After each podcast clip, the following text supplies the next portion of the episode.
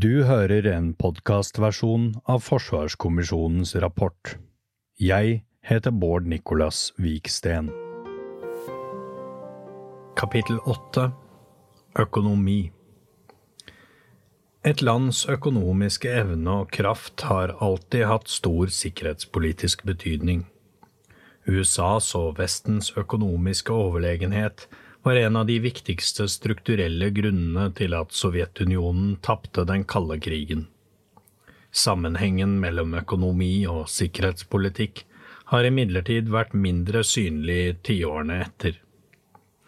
Kinas fremvekst og etableringen av et alternativt økonomisk system gjør at økonomiens betydning i sikkerhetspolitikken igjen er blitt aktuell.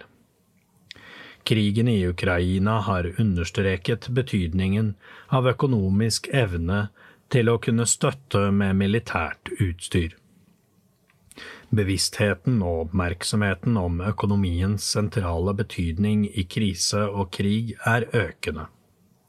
Dette kapitlet tar for seg den nære sammenhengen mellom økonomi og sikkerhetspolitikk. Vestens andel av verdensøkonomien reduseres, mens særlig Kinas andel øker. Det har konsekvenser for Norges handlingsrom. De siste tiårenes sterke globaliserings- og frihandelstendens er i rask tilbakegang.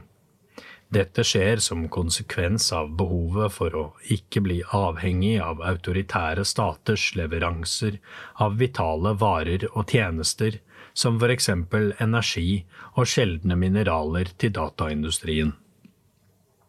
Ukraina-krigen har demonstrert betydningen av energipolitikken, særlig for Europa. Makt i internasjonal politikk handler om konkurranse mellom stater, om ressurser, markeder og investeringer, men også om å skape økt velferd for befolkningen. Kapitlet avsluttes med en drøfting om den åpenbare betydningen god økonomi har for et lands evne til å bevilge tilstrekkelige midler til Forsvaret. Svakere vekst og økt konkurranse. Maktforholdene i internasjonal politikk og økonomi er i endring. I rivaliseringen mellom USA og Kina er økonomi og teknologi helt sentrale virkemidler. Veksten i internasjonal handel med varer, tjenester og kapital har avtatt. Global integrasjon møter politisk motbør i en rekke land. Konturene av en oppdeling av verden trer frem der regulering av handel, finans og teknologi blir brukt som virkemiddel for å oppnå utenrikspolitiske og geopolitiske målsetninger, og for å ikke miste komparative fortrinn til konkurrerende stater. Flere land øker nasjonal kontroll med utenlandsk eierskap, eller innfører andre tiltak for å redusere sårbarhet og styrke motstandskraften. Europeiske land blir i økende grad nødt til å ta stilling til om man risikerer å ofre langsiktige strategiske interesser for kortsiktig økonomisk gevinst. Siden forrige forsvarskommisjon la frem sin rapport i 1992, er verdensøkonomien mer enn doblet. Kina har gått fra å ha 1% av verdensøkonomien i 1990 til ca. 15% i 2022, og landet er nå verdens nest største økonomi.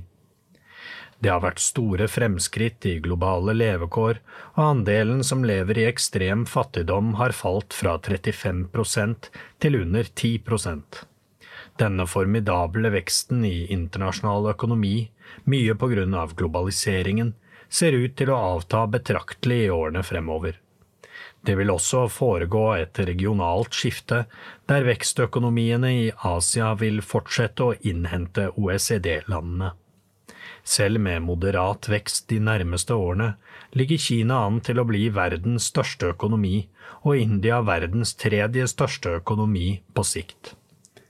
Selv om Afrika også er i vekst, vil kontinentet de neste 10–20 årene ikke ha nådd et nivå hvor det kan overta som global vekstmotor etter Asia.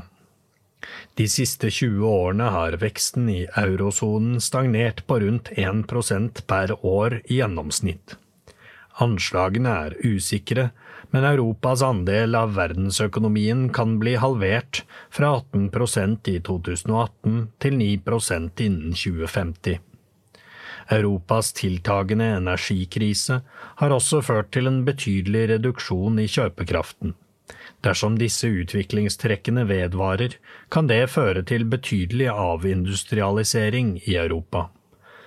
Svak vekst, redusert kjøpekraft og velferdskutt kan gi grobunn for polarisering og svekket tillit til demokratiet.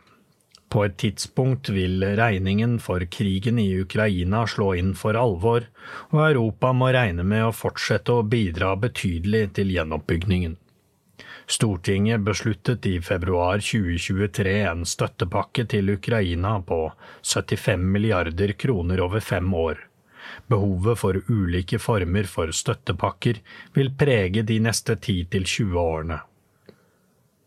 Forsvarskommisjonen mener stortingsbeslutningen vinteren 2023 var et viktig politisk forlik og bør tjene som modell for lignende beslutninger i tiden som kommer. Lavere vekst og levekårsutvikling, aldring og teknologisk omstilling tegner et bilde av en fremtid hvor økonomi arbeidsliv og velferdspolitikk vil få økt oppmerksomhet i mange land. Sikkerhetsbehovene ventes å øke. Globaliseringen har i mange tilfeller skapt større ulikheter innad i og mellom land. Dette kan gi grobunn for spenninger, nasjonalisme og proteksjonisme. Et mer politisert verdensmarked. Veksten i verdensøkonomien de siste 70 årene har skjedd i et stadig mer omfattende globalt marked, hvor handelshindre er bygd ned. Det økonomiske tyngdepunktet har ligget i liberale demokratier, og verdensmarkedet har vært skånet for dype systemiske konflikter. Disse rammene er i 2023 i endring. Et avgjørende spørsmål er hvor mye av det frie og velregulerte verdensmarkedet som er igjen om 10–20 år. Regionale handelsavtaler vokser, mens det globale handelsregimet stagnerer. Partier som ønsker mindre globalisering og sterkere nasjonal kontroll over økonomien, får vind i seilene i mange land, også i Vesten. Dersom trenden fortsetter, vil det gi flere politiske svingninger, uforutsigbarhet og svekkede betingelser for velfungerende global handel. Det knytter seg størst systemisk risiko til den økende rivaliseringen mellom demokratiske og autoritære stater, med USA og Kina som definerende motpoler. Rivaliseringen svekker klimaet for brede, fremtidige handelsavtaler og for forutsigbarhet i internasjonal økonomi. I tillegg gir den sterke insentiver til økt nasjonal kontroll med kritisk infrastruktur, varer, tjenester og data. Krigen i Ukraina og pandemien har forsterket denne utviklingen. På kort sikt virker en viss hjemflagging til USA og Europa av kritisk vare- og tjenesteproduksjon både uunngåelig, men også ønskelig og nødvendig av sikkerhetshensyn. Ytterligere regulering av forskningssamarbeid, datautveksling, utenlandsk eierskap og handel i sensitive varer og tjenester er å forvente. Dette kan stykke opp enkeltmarkeder ved at det utvikles ulike standarder på områder som eksempel kunstig intelligens og stordata. Dette kan føre til svekket konkurranse og redusert innovasjonstakt. Politisering av handelsforbindelser og utviklingssamarbeid vil også kunne svekke global konkurranse og trolig også felles bærekraftsmål. Dette kan gi svakere global velstandsutvikling og økt risiko for sosial og politisk uro sør og øst for Europa. Rivalisering utover dagens nivå vil gi mer alvorlige følger. Et mulig utfall er en dypere oppsplitting av verdensmarkedet. Nasjonal kontroll med kritisk vare- og tjenesteproduksjon kan følges av krav om kontroll også med underliggende verdikjeder og innsatsvarer. Mineraler, metaller og sjeldne jordarter blir enda viktigere innsatsfaktorer, særlig innen høyteknologisk industriproduksjon. Et mer sannsynlig utfall er derfor en ytterligere oppdeling av verdensmarkedet, hvor de rivaliserende partene knytter til seg lavkostland gjennom bistand, handelsavtaler, sikkerhetssamarbeid og langsiktige investeringer. I tillegg kan avansert vare- og tjenesteproduksjon bli flyttet til mellominntektsland nærmere de europeiske og amerikanske markedene, eksempelvis i Øst-Europa eller Mellom-Amerika. Europa var under den kalde krigen i stor grad preget av en strategisk stabilitet som ga rom for økonomisk vekst uten forstyrrende sikkerhetshensyn. Det er usikkert hva konsekvensene av en eventuell ny blokkdeling kan bli. Den økonomiske avhengigheten mellom land er mye større i dag. Det finnes imidlertid mange eksempler på at selv dype økonomiske avhengighetsforhold kan slites når sikkerhetshensynene blir sterke nok.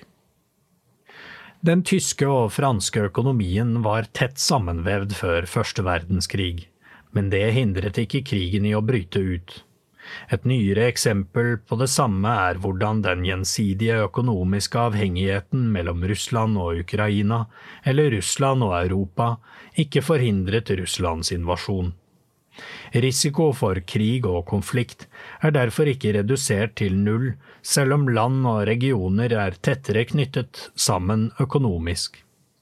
Tette økonomiske bånd mellom USA og Kina, og mellom Taiwan og Kina, vil trolig ikke forhindre en krig om Taiwan så lenge kinesiske myndigheter ønsker kontroll med øya og Taiwan nekter å bli en del av Kina. Global handel som i større grad påvirkes av sikkerhetspolitiske hensyn, vil også stille Europa overfor vanskelige valg. Et eksempel er USAs Inflation Reduction Act av 2022, som er konkurransevridende til fordel for amerikanske bedrifter. EU kan forsøke å balansere forholdet til USA og Kina, gå ytterligere i retning av å søke strategisk uavhengighet, eller bygge et tettere økonomisk forhold til USA. Som utenforland og stor global investor vil Norge være mer eksponert for press enn EU-landene. Det kan for eksempel komme krav om å ta sikkerhetspolitiske hensyn i forvaltningen av Statens pensjonsfond utland. Dette kan utfordre Norge politisk, rettslig og økonomisk, og svekke tilgangen til visse markeder. Redusert økonomisk handlingsrom i OECD-området ventes økte offentlige utgifter og svak vekst de neste 10–20 årene. Samtidig har mange land høy gjeld etter finanskrisen i 2008 2009 og pandemien. Dette vil legge press på offentlige budsjetter de neste to tiårene. Norge har gode forutsetninger for å omstille seg. Et høyt utdanningsnivå i befolkningen, høy sysselsetting, lav arbeidsledighet og eierskap til et av verdens største statseide fond gir en fordelaktig posisjon. Norge har relativt små forskjeller, høy sosial mobilitet og en godt utbygd velferdsstat. Samfunnet vårt er fortsatt preget av relativt høy tillit til offentlige myndigheter og mellom borgerne. Norge vil i tiårene fremover trolig oppleve at petroleumsnæringen gradvis mister betydning som vekstmotor i økonomien. Pensjonsfondet vil etter hvert vokse saktere enn resten av økonomien. Samtidig kan mer ustabile finansmarkeder gi større svingninger i fondets verdi. Dette vil gjøre handlingsrommet i statsbudsjettene trangere og mindre forutsigbart. Det er usikkert hvor raskt disse endringene vil inntreffe, særlig i lys av utviklingen i europeisk energiforsyning etter Ukraina. Perspektivmeldingen anslår at det årlige handlingsrommet vil falle fra 21 milliarder kroner per år i foregående periode til om lag 4 milliarder kroner per år frem mot 2030. De neste 10–20 årene øker utfordringene ytterligere, og det kan oppstå et gap mellom inntekter og utgifter. Flere av Norges allierte er allerede i en vanskelig økonomisk situasjon, men de har ikke Norges finansielle muskler. Ti av EUs medlemsland hadde budsjettunderskudd i 2019. Eurosonen sett under ett har hatt budsjettunderskudd siden opprettelsen i 1999. Samtidig har statsgjelden i EU-landene økt fra et snitt på 66% av BNP i 2007 til 84% i 2019 og til 96% etter pandemien. Uavhengig av utviklingen på kort sikt vil betjening av gjeld utgjøre en betydelig andel av NATO-landenes utgifter de neste to tiårene. Fortsatt gjeldsvekst i et marked med færre yrkesaktive, lavere skatteinngang, svak produktivitetsvekst og potensielt flere handelshindre kan også medføre risiko for periodevis finansiell uro. Motsetningene mellom allierte, som man så etter finanskrisen i 2008 til 2009, kan oppstå på nytt. Partier som ønsker en annen politikk ovenfor Kina og Russland, kan få politisk makt i enkelte medlemsland, og samholdet i Nato kan komme under press. I sårbare stater utenfor Europa kan gjeldsbetjeningsproblemer lede til sosial og politisk uro, men også føre land inn i et dypere avhengighetsforhold til store kreditorer som Kina. Energipolitikk vil dominere Europas dagsorden. Russlands trusler om midlertidige stans i gassleveransene til Europa pågikk i mange år før fullskalainvasjonen av Ukraina i 2022. Russlands stans av all energieksport til Europa i kjølvannet av krigen har ført til kaos og store omveltninger i energimarkedene i Europa. Energi blir brukt som våpen, og har satt energisikkerhet høyt på den internasjonale dagsorden. Norge som energieksportør har fått økt sikkerhetspolitisk betydning for mange europeiske land, inklusive stormaktene Storbritannia og Tyskland. Dette innebærer at selskaper på norsk sokkel blir en forlengelse av staten. Det vil gi nye muligheter og utfordringer for hvordan norske myndigheter håndterer sikkerhet og beredskap og offentlig-privat samarbeid. Den vestlige verdens omstilling fra fossil til fornybar energi vil spille en avgjørende rolle for hvordan situasjonen utvikler seg. Overgangen til fornybare energikilder kan føre til at Europa og andre vestlige land blir mindre avhengige av olje og gass fra Russland og Midtøsten. Dette kan også gi utvikling av flere kilder til energi, noe som kan minske effekten av påvirkning eller sabotasje. De økonomiske konsekvensene av stansen i russiske gassleveranser viser imidlertid også at det grønne skiftet kan føre til store sårbarheter på både kort og lengre sikt.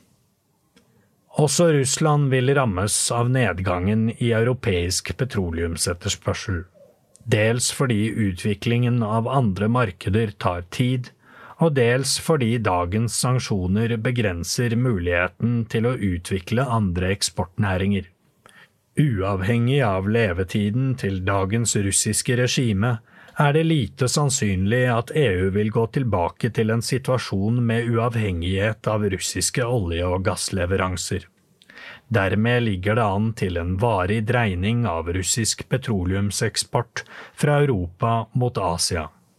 Det gir et vesentlig redusert grunnlag for fremtidig økonomisk og politisk samkvem mellom Russland og Europa den dagen forbindelsene eventuelt normaliseres. På europeisk side vil oppmerksomheten de nærmeste årene dreie seg om å erstatte bortfallet av russiske gassleveranser. På kort sikt vil dette i hovedsak måtte dekkes inn gjennom bruk av fossile energikilder. Det svekker muligheten for å nå klimamålene. På lengre sikt vil fornybarandelen øke. Dette vil imidlertid trolig kreve ytterligere integrasjon av energimarkedene i Europa for å oppnå stabil forsyning. Norge vil bli enda viktigere for energisikkerheten til europeiske allierte, og det vil være økt press på norske myndigheter om hvordan vi forvalter våre energiressurser. Andre land forventer at norske myndigheter og selskaper er i stand til å sikre og beskytte petroleumsproduksjon og infrastruktur. Norske rederier vil være involvert i LNG-frakt og regassifisering til land som Tyskland, Polen, Frankrike og Litauen. Dette vil kreve flere militære kapasiteter i det maritime domenet. Det vil også kreve flere kapasiteter til å overvåke og sikre luftrom og anlegg på land. Avhengigheten av petroleumsprodukter vil kunne avta.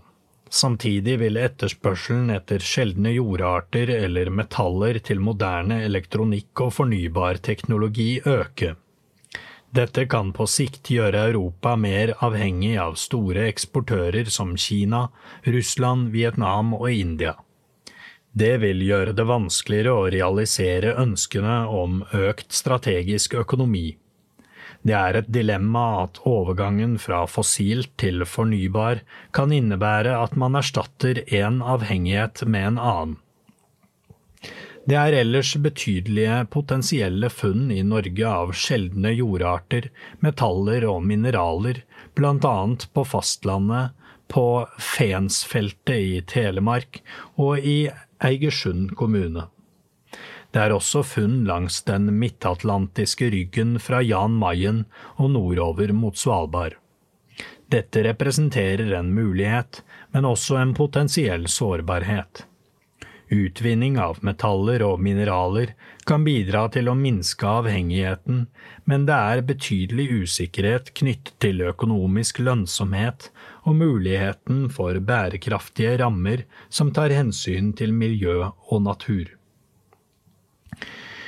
Utviklingen innen vind- og solkraft og elektrifiseringen av transport er betydelig.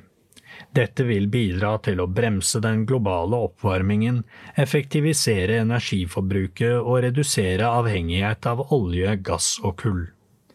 Frem til fornybare energikilder er tilstrekkelig utbygget, vil imidlertid avhengighet av gass kunne føre til høye energipriser og lav vekst i Europa.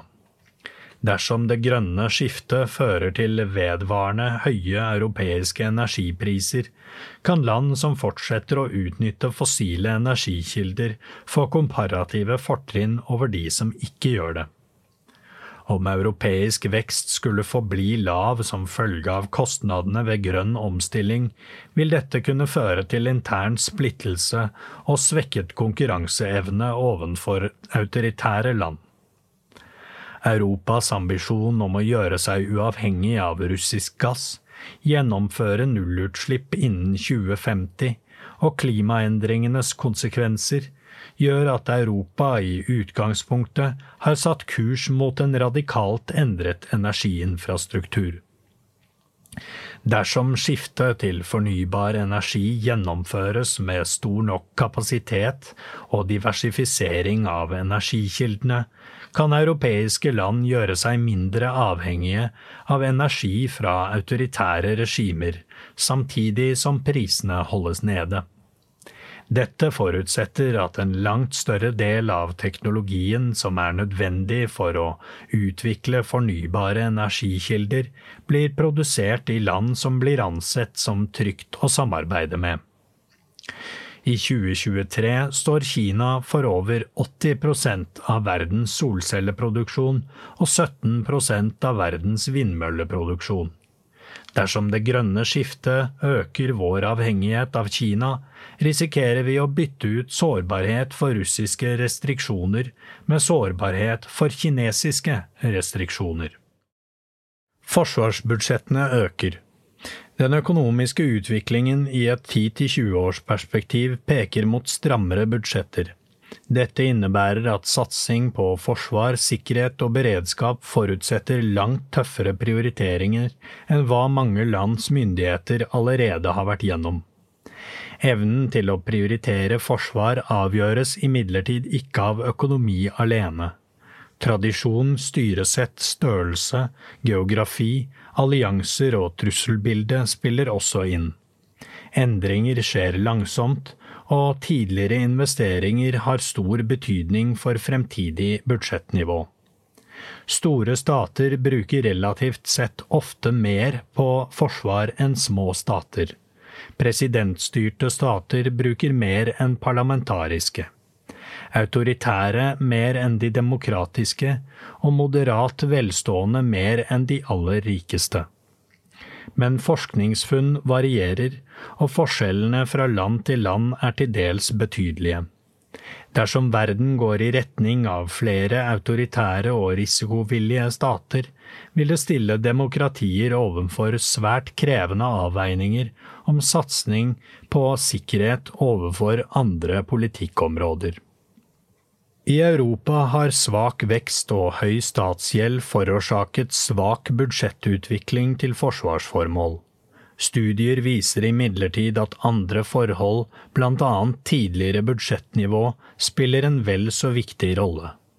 Et land som Frankrike har opprettholdt høye forsvarsbudsjetter tross budsjettunderskudd siden 1970-årene.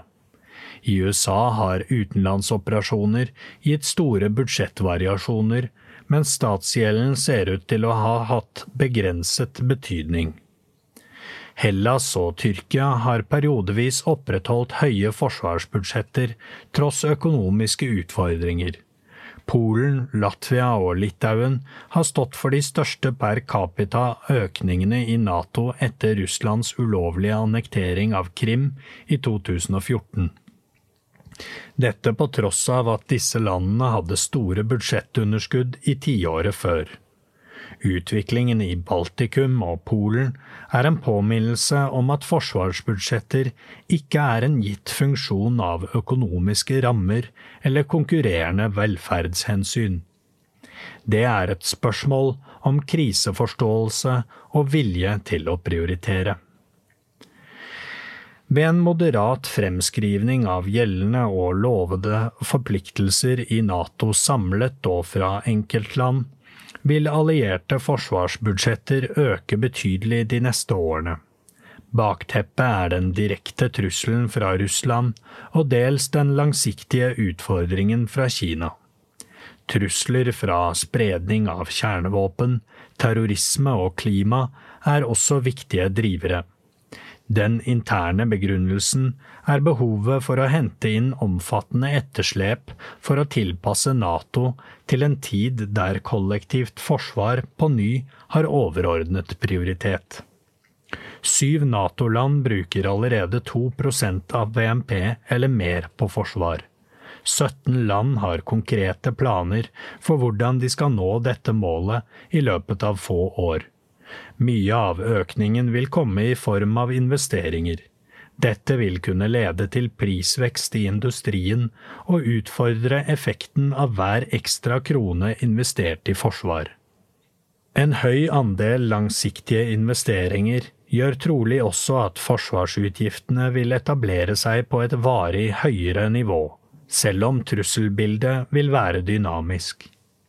Et viktig spørsmål i et 10–20 års perspektiv er om europeiske Nato-lands økende investeringer i forsvar vil veie opp for den uttalte amerikanske militære prioriteringen om å demme opp for Kina. Amerikansk politikk kan også i et langsiktig perspektiv bli mer opptatt av interne utfordringer. USA kan også bli mindre villig til å ta på seg ansvar for å opprettholde et vestligledet internasjonalt system og avskrekke og demme opp for Kina og Russland. I et slikt perspektiv er USAs veivalg like dimensjonerende for Norge og europeiske lands forsvar som trusselen fra Russland.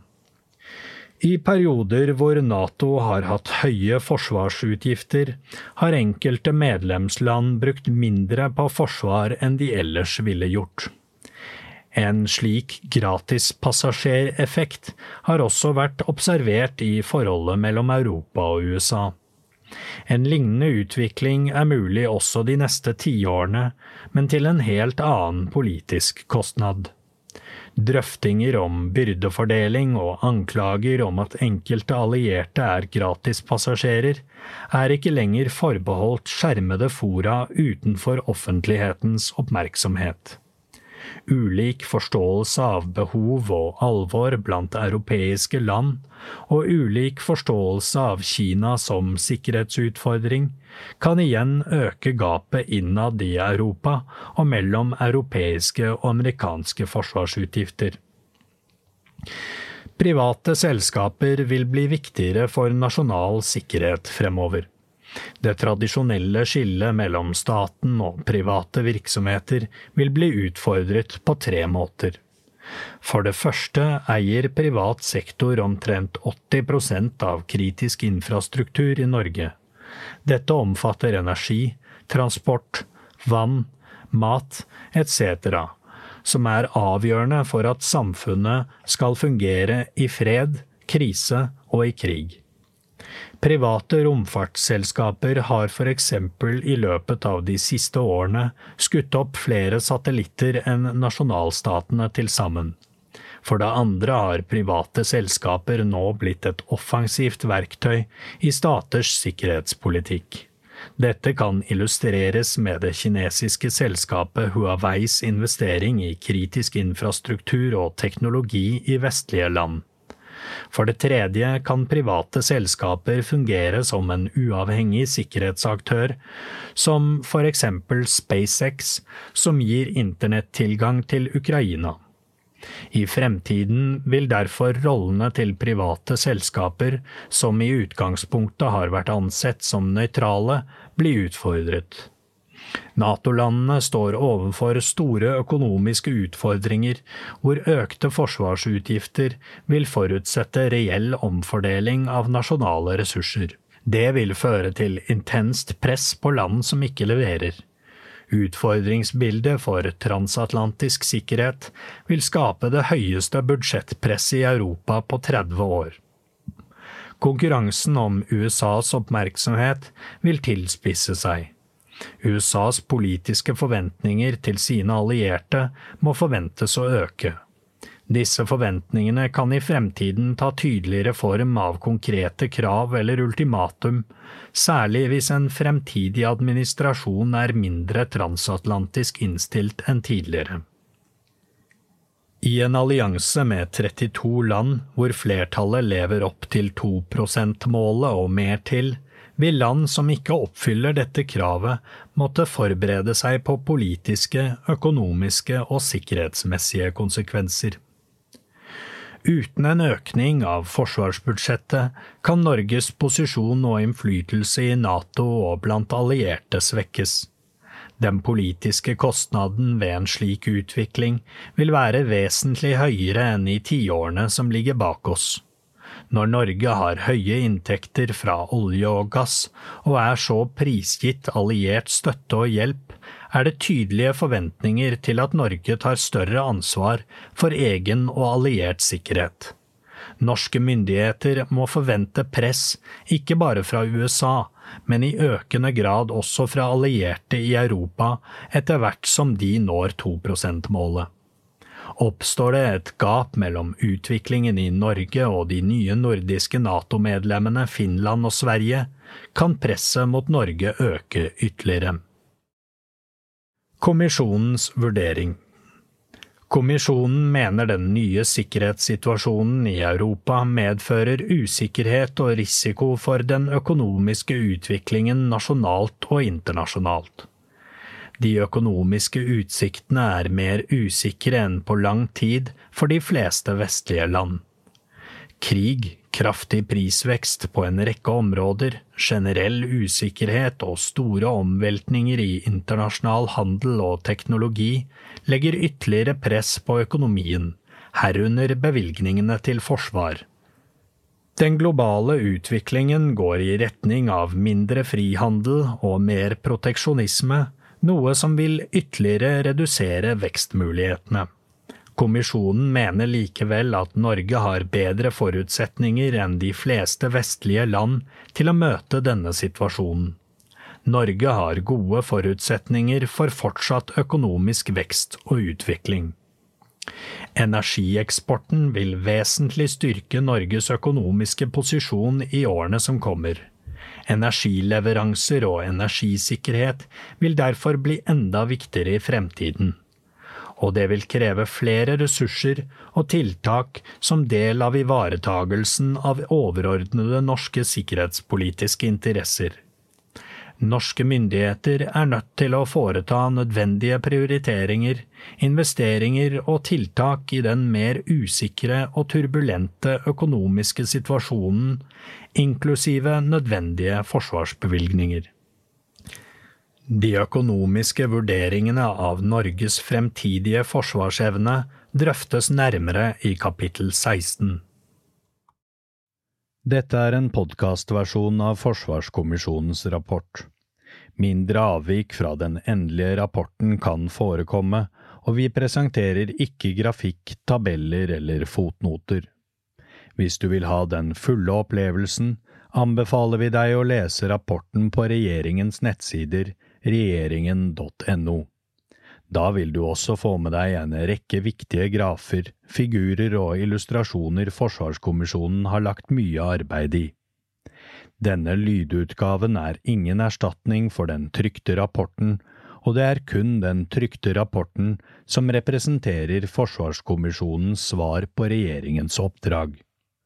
Denne podkasten er laget av Knut Storberget, Bård Nicolas Vik Steen, Kristine Hellesland, Fredrik Tamberg, Jørgen Lyngvær og Thomas Haraldsen.